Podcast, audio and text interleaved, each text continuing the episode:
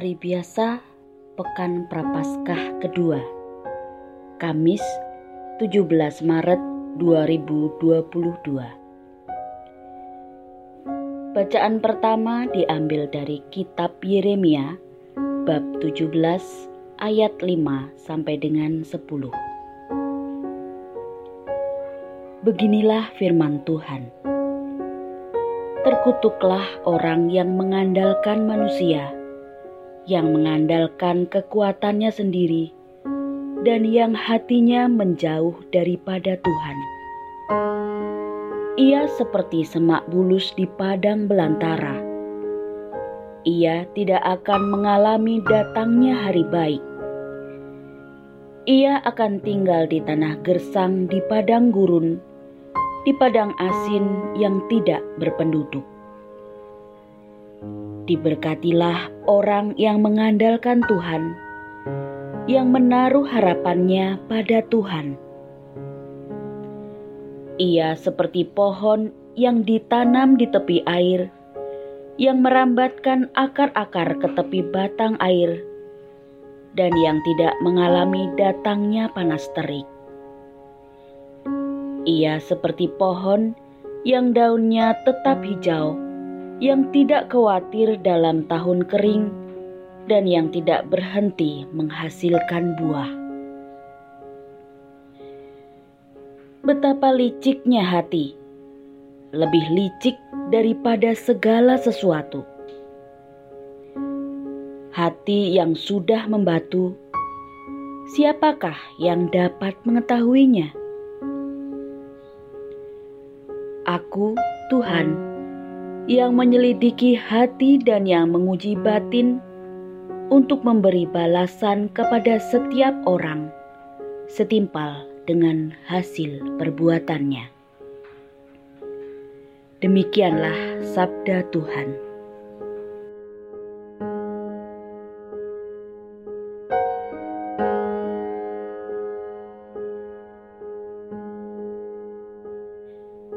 Bacaan Injil diambil dari Injil Lukas bab 16 ayat 19 sampai dengan 31. Sekali peristiwa, Yesus berkata kepada murid-muridnya, "Ada seorang kaya yang selalu berpakaian jubah ungu dan kain halus, dan setiap hari ia bersukaria dalam kemewahan." Dan ada seorang pengemis bernama Lazarus. Badannya penuh dengan borok. Ia berbaring dekat pintu rumah orang kaya itu dan ingin menghilangkan laparnya dengan apa yang jatuh dari meja orang kaya itu. Malahan, anjing-anjing datang dan menjilat boroknya. Kemudian matilah orang miskin itu lalu dibawa oleh malaikat-malaikat ke pangkuan Abraham.